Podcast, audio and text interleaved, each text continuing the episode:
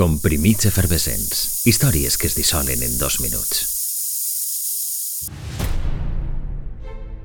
D'aquell temps, l'escriptora George Sand publicaria Un hivern a Mallorca, on els habitants de l'illa no hi serien ben parats. Tot apunta a un xoc de trens cultural. Ella, els seus fills i el seu amant Chopin estigueren 95 dies allotjats a la cartoixa de Valldemossa. Una estada curta i complicada.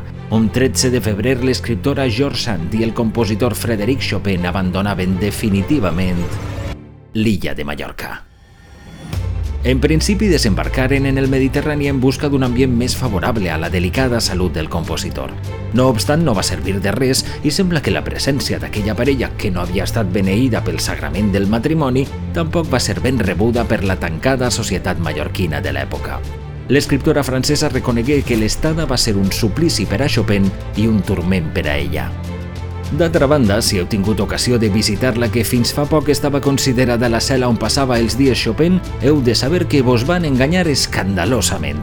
Arran de la denúncia de l'actual propietària de l'autèntica cel·la que va ocupar el compositor, una sentència obliga a la propietària del fals museu a reconèixer que ni el recinte ni el piano exhibits els havia tocat mai el compositor polonès.